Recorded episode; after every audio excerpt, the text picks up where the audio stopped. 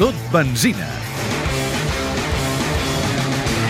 S'ha inaugurat el Museu de la Moto de Barcelona, que ocupa 600 metres quadrats a l'antic convent de Sant Felip Neri al casc antic, una assignatura pendent a la nostra ciutat. La Cristina Soler n'és la directora. Nosaltres diem que s'ha complert com un deute històric, no? perquè ja feia molt temps que mm, s'havien fet diferents intents, mai havien arribat a quallar, i, i bé, nosaltres com el primer museu que, que vam obrir dedicat al món de la moto teníem una mica doncs, com aquest deute de, de venir aquí i d'obrir a Barcelona.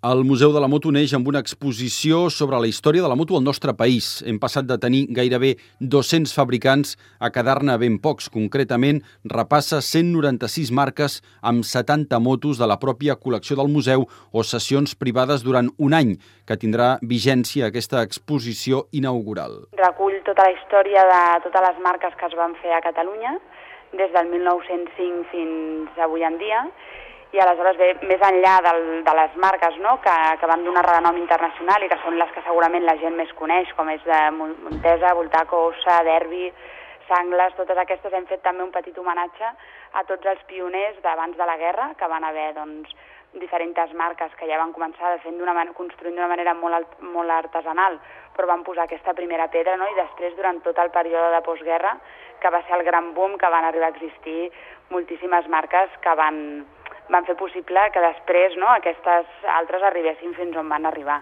El museu depèn de la Fundació Privada Màrius Soler, que du el nom d'un reconegut col·leccionista i que compta amb un altre museu a Bassella, l'Alturgell.